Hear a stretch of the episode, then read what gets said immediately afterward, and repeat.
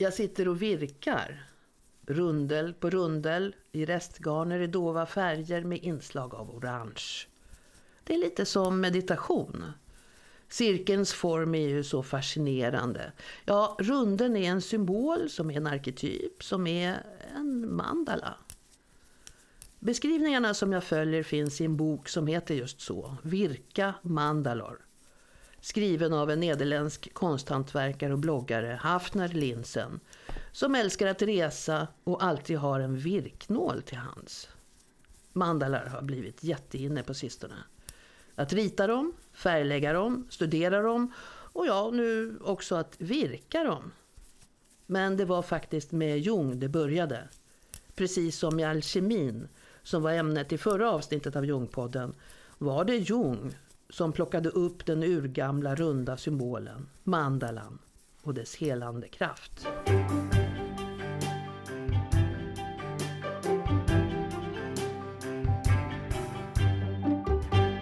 Välkommen till Jungpodden. Vi som gör den heter Katarina Baldo Sagado. Och Rolf Wrangnert. Vår podd är Sveriges kanske allra smalaste om livets stora frågor. Jungpodden stöds av Svenska C.G. Jungstiftelsen i Stockholm. Men du som lyssnar kan också bidra. Gör det. Stöd oss på patreon.com jungpodden eller swisha ditt bidrag till 070-543 8208. Mandalan alltså. Vi ska snart prata med Carmen Kår Faunbeck, dansk konstnär bosatt i Skåne som i några år ägnat sig åt mandalor. Men först en liten ordförklaring. Mandala är ett ord hämtat från sanskrit som helt enkelt betyder cirkel. En mandala kan ses som en bild av hela universum, eller av självet, som Carl Gustav Jung kallade den djupaste helheten av hela vår individuella personlighet. I den brittiska Jungkännaren Anthony Stevens bok Jung om hans liv och verk finns en definition som är värd att återge. Det finns mandalor överallt i världen. De förekommer under de flesta historiska perioder och är uråldriga symboler för helhet och totalitet. De har cirkelform och innehåller någon symbolisk framställning av kvaternitet eller fyrdelning. Till exempel ett kors eller en kvadrat. Medelpunkten är framhävd och innehåller i regel någon hänvisning till gudomen. För Jung är mandalan en bild av arketypernas arketyp, självet. Och självets mål är just den helhet som mandalan uttrycker. Att integrera alla sidor, mörka och ljusa, medvetna och omedvetna, i den process som Jung kallar individuation. Vi talade om det i avsnitt 9 av Jungpodden, Livet efter 70. Men mandalan ger också aningar om låt oss kalla det evigheten. Eller Gud, så som var och en av oss uppfattar hen. Strax före första världskriget drabbades Jung av en djup kris. Han var 38 år, fyrbarnsfar och ett femte på väg. Hade brutit med Sigmund Freud och var rädd att han höll på att bli galen. När kriget bröt ut blev han inkallad och utnämndes till kommendant på ett schweiziskt läger med engelska krigsinterner. Det var där han började arbeta med mandalor, varje morgon i sin svarta anteckningsbok. En sysselsättning som fängslade honom mer och mer. Han fann till sin stora tillfredsställelse att han tack vare sina teckningar kunde iaktta de förändringar som skedde i hans psyke från dag till dag och som skulle leda till en vändpunkt i hans liv under månaderna omedelbart efter vapenstilleståndet 1918. Så här beskriver Jungs nära medarbetare Aniela Jaffe processen i Jung-biografin Minnen, drömmar och tankar. Den som felaktigt brukar kallas Jungs självbiografi eftersom den är skriven i jag-form. Blott så småningom kom jag på vad mandalan egentligen är. Gestaltning, omgestaltning, den eviga meningens eviga underhållning. Och detta är självet, personlighetens helhet som, om allt är bra, är harmoniskt men som icke tolererar några självbedrägerier. Mina mandalabilder var kryptogram över tillståndet hos mitt själv som dagligen tillställdes mig. Jag såg hur självet, det vill säga min helhet, var i verksamhet. Detta kunde jag visserligen till en början blott antydningsvis förstå. Dock tycktes mig teckningarna redan då högeligen betydelsefulla och jag bevarade dem som konstbara pärlor. Jag hade den tydliga känslan av något centralt och med tiden vann jag en levande föreställning om självet. Det föreföll mig som monaden som är jag och som är min värld. Mandalan representerar denna monad och motsvarar själens mikrokosmiska natur. Vi kan ju förtydliga att ordet monad är ett filosofiskt begrepp som betyder odelbar enhet. Jung ägnade resten av sitt liv åt att reda ut allt han var med om under den här tiden. Förresten har Jung själv sagt att de här åren var de viktigaste i hela hans liv. Att det var mandalan som gav honom nyckeln till hela hans teoribygge. Och apropå bygge. 1923 började han bygga sitt berömda runda torn i Bollingen vid Zürichsjöns strand. I tre decennier höll han på och byggde och byggde. Han betraktade sitt verk som, just det, som en mandala i sten. Som samtidigt var ett slags hem för hans förfäders själar. Få personer fick äran att komma till tornhuset i Bollingen. Men den engelska terapeuten Barbara Hanna, som länge bodde i Zürich, har berättat att när hon en gång blev inbjuden, det var 1929, gick Jung omkring i orientaliska kläder, ungefär som en gammal alkemist. Och hon tyckte att det kändes som att bli förflyttad till medeltiden.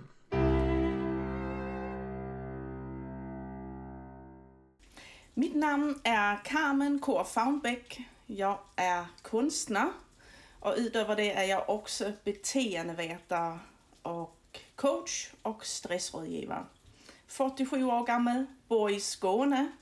Men det hörs kanske att jag kommer från Danmark lite grann också. Så jag har, jag har bott i Skåne i 16-17 år nu. Eh, det är ju så att jag har eh, skapat konst i över 30 år. Och øh, det är bara för en 3-4 år tillbaka jag har börjat med mandala-skapandet. Men på många sätt hänger det väldigt fint ihop med det jag har gjort innan. Øh, Där jag har målat tavlor i akryl, øh, väldigt inspirerad av naturen. Och det mänskliga som man kan säga förenar oss oavsett hur gamla vi är, vem vi är, vad vi har för utbildning, kön och så vidare, så har vi vissa saker som vi har gemensamt. Och det är väl där var psykologin eh, och det andliga och konsten för mig förenas. Eh, och så kan man fråga hur blir då vanliga akrylmålningar då plötsligt till jag börjar skapa mandalaer? Eh, för en mandala för mig är en svart-vit ritning på papper. Så det är ju något helt annat än det jag brukar göra.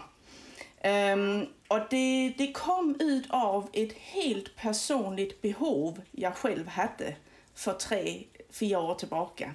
För det, det uppstod av ett väldigt akut behov. Um, det var så att jag hade valt att vara på en tre veckors retreat med mycket tystnad och med mycket ensam tid. Um, och det var vinter och det var ute på landsbygden och jag hade ingen dator, ingen telefon, ingen musik um, med mig. Så det var liksom alla de grejerna jag normalt kanske kan fly in i men som jag också kan sö söka stöd via vänner eller googla någonting, läsa en bok. Även böcker var det väldigt lite jag hade med av.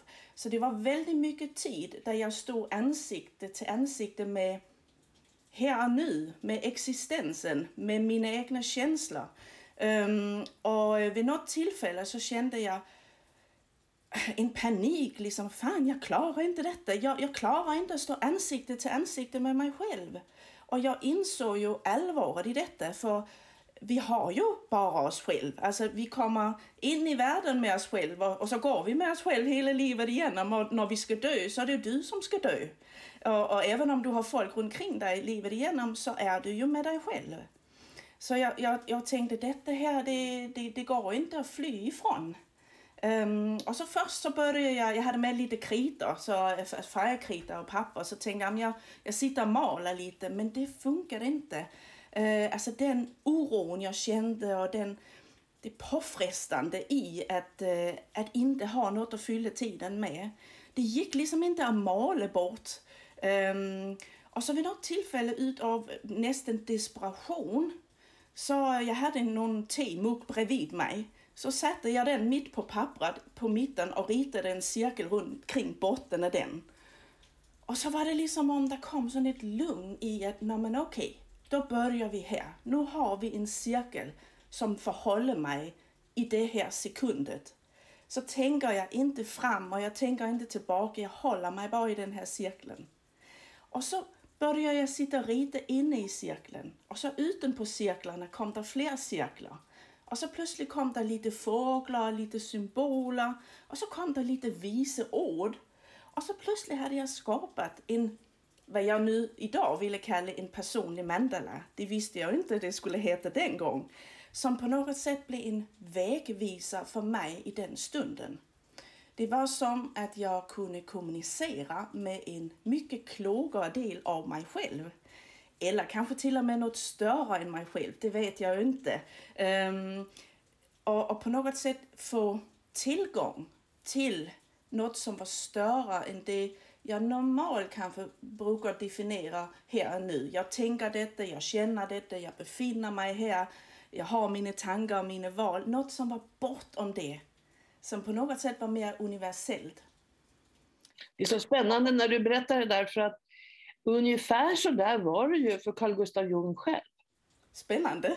ja, alltså när han hamnade i djup kris och började måla. och Han trodde att han skulle bli tokig och hittade cirkeln. Och sen blev de mer och mer utarbetade. Men det är en process som, som liknar väldigt mycket det du berättar om här nu. Ja, och det, det visste jag faktiskt inte. Uh, jag har ju, uh, jag känner till Jung och har, man kan säga, jag, jag har aldrig varit så intellektuellt intresserad av saker. Jag är mer i praktiken. Så jag har ju gått i jungiansk terapi och känt det på kroppen och på själen hur det känns. Eh, så jag visste inte alls att han hade den historik bakom sig. Men det är ju jätteintressant att eh, det på något sätt har kommit ut av detsamma. En, en, en djup längtan men också en kris. Um... Men vad tror du då, även om man inte kan riktigt beskriva det, jag håller med dig om det.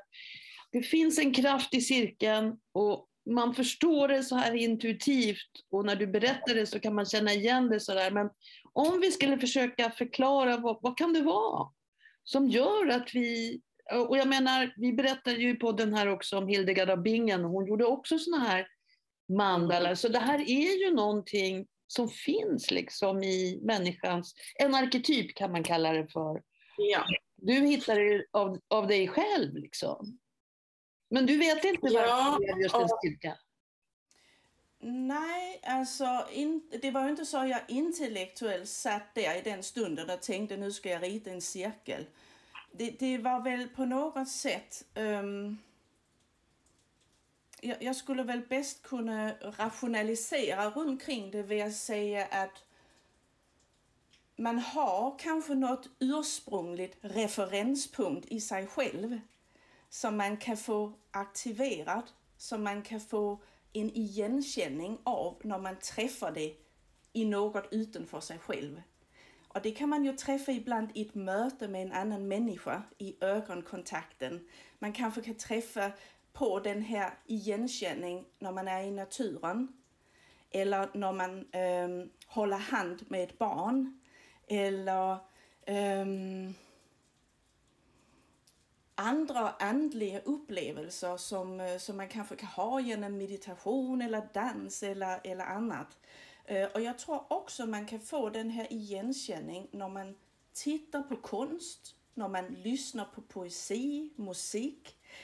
Um, Och det, det här det är liksom någonting som är bortom vad man gillar eller inte gillar. Det är något som väcker något i en som på något sätt, som en röst man kanske ibland har glömt. Men som är väldigt stark när den plötsligt blir hörd utifrån. Um, och jag tror att det handlar om att även om alltså vi människor, vi går ju runt här på jorden och är väldigt upptagna av saker ofta som som vi själva har hittat på. Alltså det är datorer och det är jobb och det är bilar och det är det ena och det andra. Och i verkligheten äh, kommer vi ju ingenstans utan naturen till exempel. Øh, och de symbolikerna och den naturliga cirkelgång som är i naturen, alltså bara med årstiderna, med dygnets rytm, den avspeglas ju på något sätt i, i varenda stund där vår kropp andas in och ut som också en cirkel kan man ju säga, där våra øh, celler och organ eh, liksom går i, eh, i någon cykel. Alltså din lever jobbar inte dygnet runt. Den jobbar också i en cykel och den jobbar tillsammans med något annat i din kropp och allt det är ju utanför din kontroll och det är utanför din tankeverksamhet. Eh, men i dagliga livet har vi ju säkert alla av oss väldigt stor tendens att hänge oss väldigt mycket åt det i livet som vi tänker och det som vi tänker vi har kontroll över. Och i verkligheten så tror jag att eh, det mesta i livet hamnar faktiskt i den annan kategori.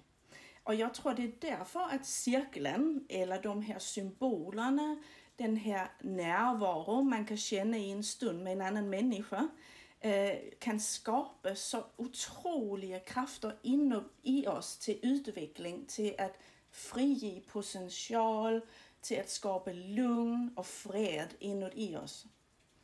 Um, ett, ett, ett försök på att uh, komma med mitt bud på varför jag tror det funkar.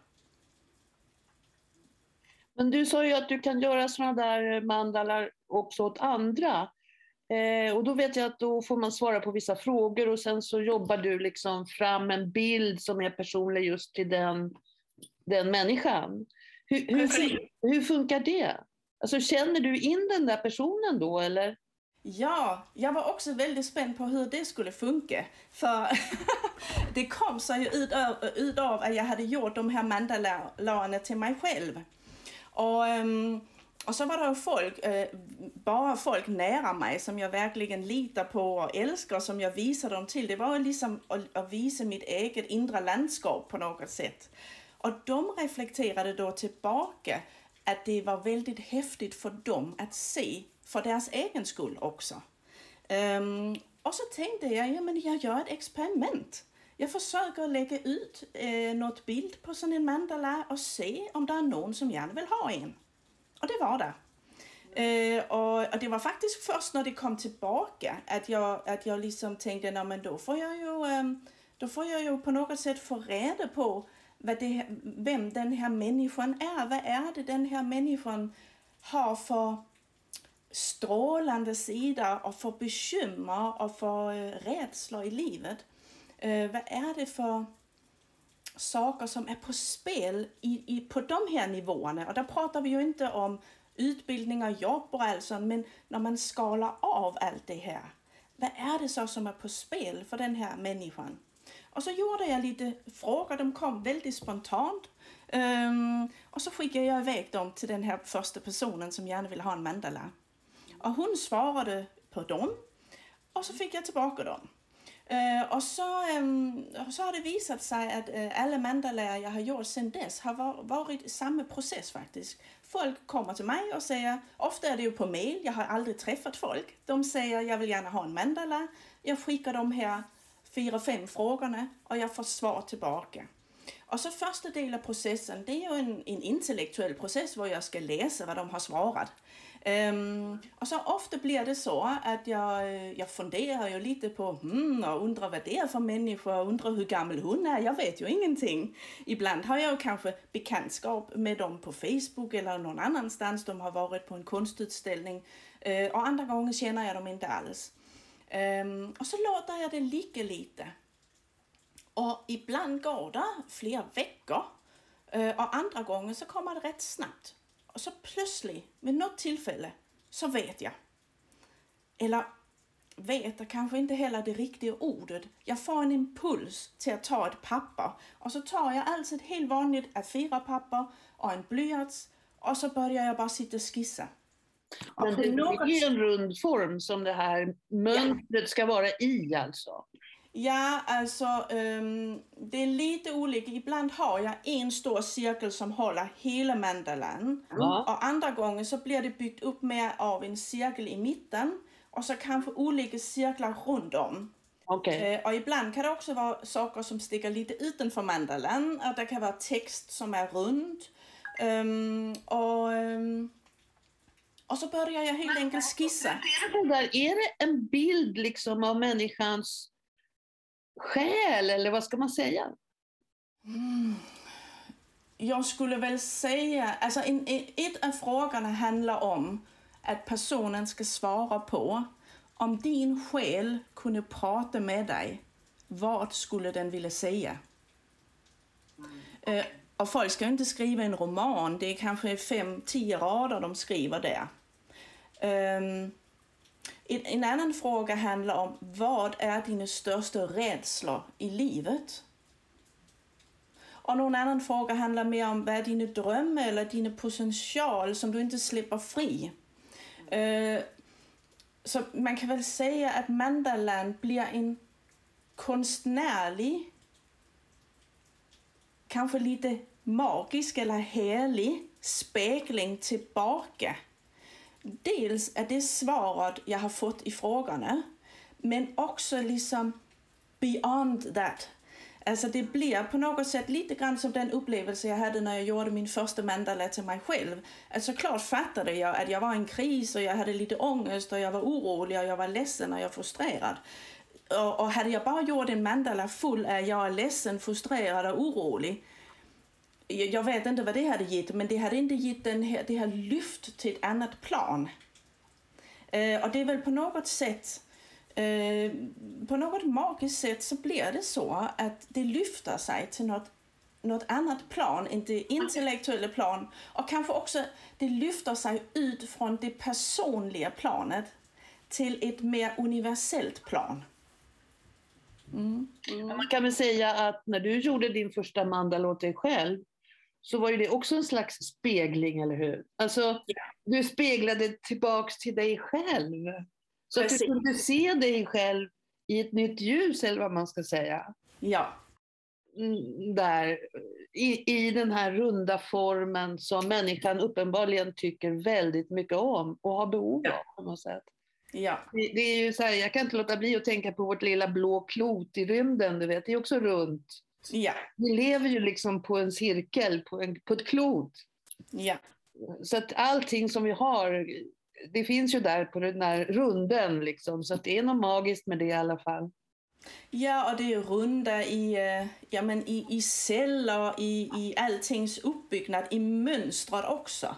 För ehm, när jag gör mandala eh, så är de ju inte en, man kan säga på höger och vänstra sida är de inte likadana. Så på det sättet är de inte en spegling inne i cirkeln. Men det är ju en cirkel där man kanske kan, ibland blir det så att, låt oss säga att det växer fram ett träd i den här cirkeln. Att så på höger sida i, i trädets kron finns det en kvalitet i den här människan och i den andra sidan finns det något annat. Där kan finnas himmel och jord, där kan finnas øh, eh, oändlighet och helt ner på cellplan. Det kan finnas eh, eh, innersidan av ett träd som på något sätt påminner om det mönster du har i din tummel också. Alltså på det sättet så är det som om att olika plan vävs in i varandra och att jag tror man påminns om att i de stunderna där man känner sig kanske allra mest ensam eller utlämnad i livet, antingen för att det har hänt något utifrån eller för att det händer något inuti dig som du har svårt att hantera. Att i de stunderna kan du luta dig in i en, i, ett, i en dimension som du inte behöver hitta någonstans. För du är en del av den dimensionen alltid, oavsett vad du känner. Och det är kanske den lättnad som på något sätt kommer fram så man kan slappna av, lugna sig själv när man mår dåligt. Men som också gör att man vågar att ta det här steg ut i det, ut, ut i det okända och på något sätt frigöra det som man känner man är här för i det här livet. För jag tror de flesta människorna har i de klara ögonblicken har de ju kontakt med jag är här av någon anledning. Det är någonting jag gärna vill ge eller det är något jag gärna vill uppleva eller det är något jag gärna vill dela med mig av eller det är något jag ska eh, igenom. Ehm, problemet är ju att, att när vi så kommer till en helt vanlig tisdag och eh, någon på jobbet sa något eller du var trött eller du inte hade fler pengar eller något helt tredje så glömmer vi ju lite den här förbindelsen till den väldigt kloka rösten vi egentligen har inuti. Och det är väl lite det som folk också har använt Mandalan till när de så får den. Att de använder den som en påminnelse om någonting de egentligen vet redan. Man kan inte tala om Jungs mandalabilder utan att nämna den röda boken, The Red Book, där de där bilderna finns. De han gjorde under första åren runt första världskriget och sedan sysselsatte sig med i resten av sitt liv. I över 40 år låg den röda boken, den kallas så därför att den har röda läderpärmar, i ett schweiziskt bankfack. En konstfullt återgiven faksimilupplaga publicerades först 2009 efter att Jungkännaren Sony Shamdasani hade lyckats övertala Jungs familj som länge var mycket skeptisk till att offentliggöra Jungs allra mest privata verk. Sedan dess har många Jungforskare ägnat många långa seminarietimmar åt att försöka uttyda den röda boken så gott det nu går. Men mycket är gåtfullt och väldigt komplext. Själv jämför Shamdasani den röda boken med Dantes gudomliga komedi, som ju också kan ses som berättelsen om en medelålderskris och om den idag tämligen bortglömda insikten att människan bara kan nå himlen om hon varit nere i helvetet och vänt. Men det är nog ingen slump att Dantes berömda inledningsord fortfarande klingar så välbekanta. Till mitten hunnen på vår levnadsvandring hade jag i en skog gått vilse och irrat bort mig från den rätta vägen. Hur svår den skogen tycks mig att beskriva. Så vild och full av snår och oframkomlig att blotta tanken på den väcker fruktan. Det är den röda boken, eller Liber Novus, den nya boken, som Jung själv kallade den så högtidligt på latin, som enligt Sonny Shamdasani är Jungs allra främsta bidrag till eftervärlden. Mycket viktigare än arketyperna, individuationen och all annan jungiania som numera är allmänt välbekant. Liber Novus visar, menar Sony Shamdasani, att vad Jung egentligen strävade efter var att återinföra helvetesbegreppet i vår kultur. I klippet som följer här citerar han Jungs egen definition på vad detta helvete är. Hell is when the depths come to you with all that you no longer are or are not yet capable of. Hell is when you can no longer attain what you could attain.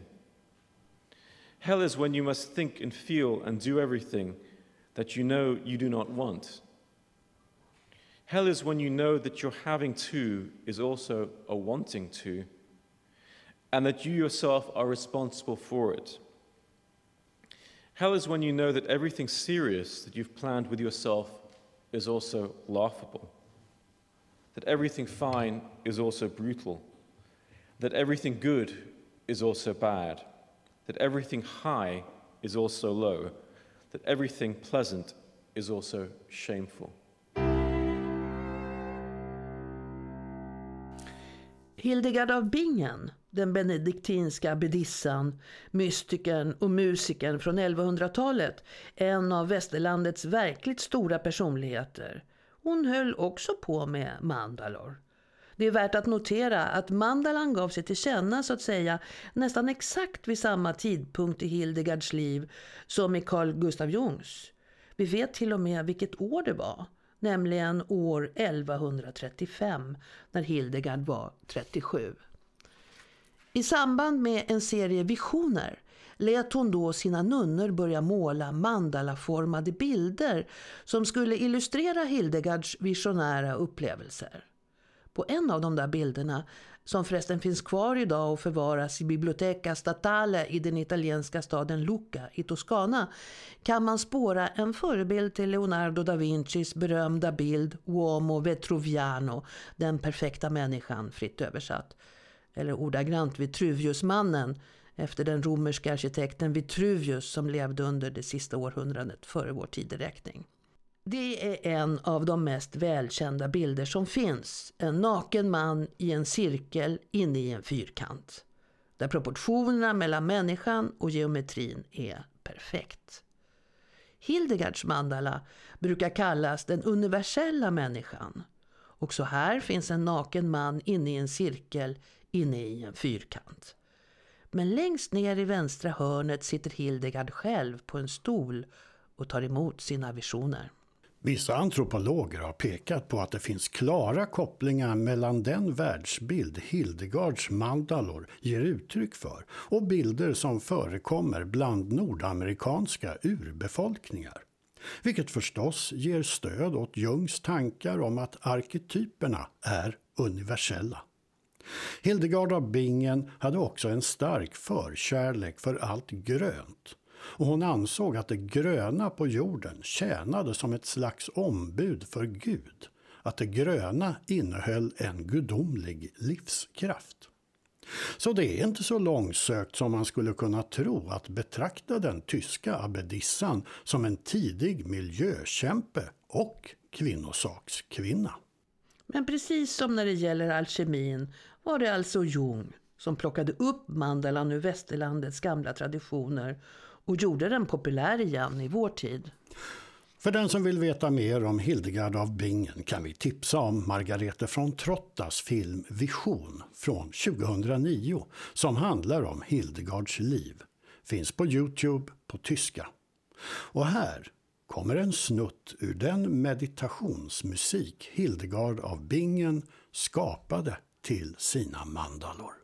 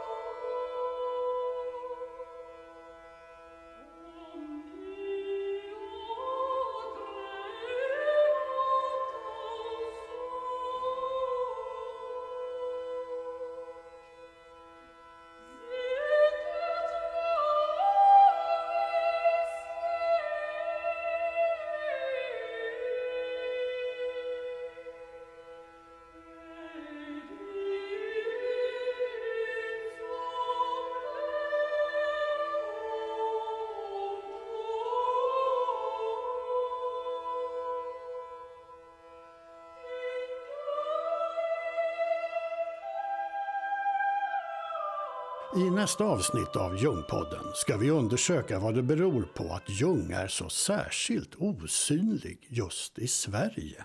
Samtidigt som hans tankar blir allt mer accepterade och populära i andra länder. Gå in och prenumerera på Ljungpodden på iTunes, eller Youtube eller Soundcloud. Ljungpodden finns också på Facebook. Och bli vår sponsor på Patreon. Gå in på patreon.com och sök på Jungpodden och bestäm dig för att betala en liten slant för varje avsnitt vi publicerar. Tack på förhand. Vi hörs! Ja, vi hörs!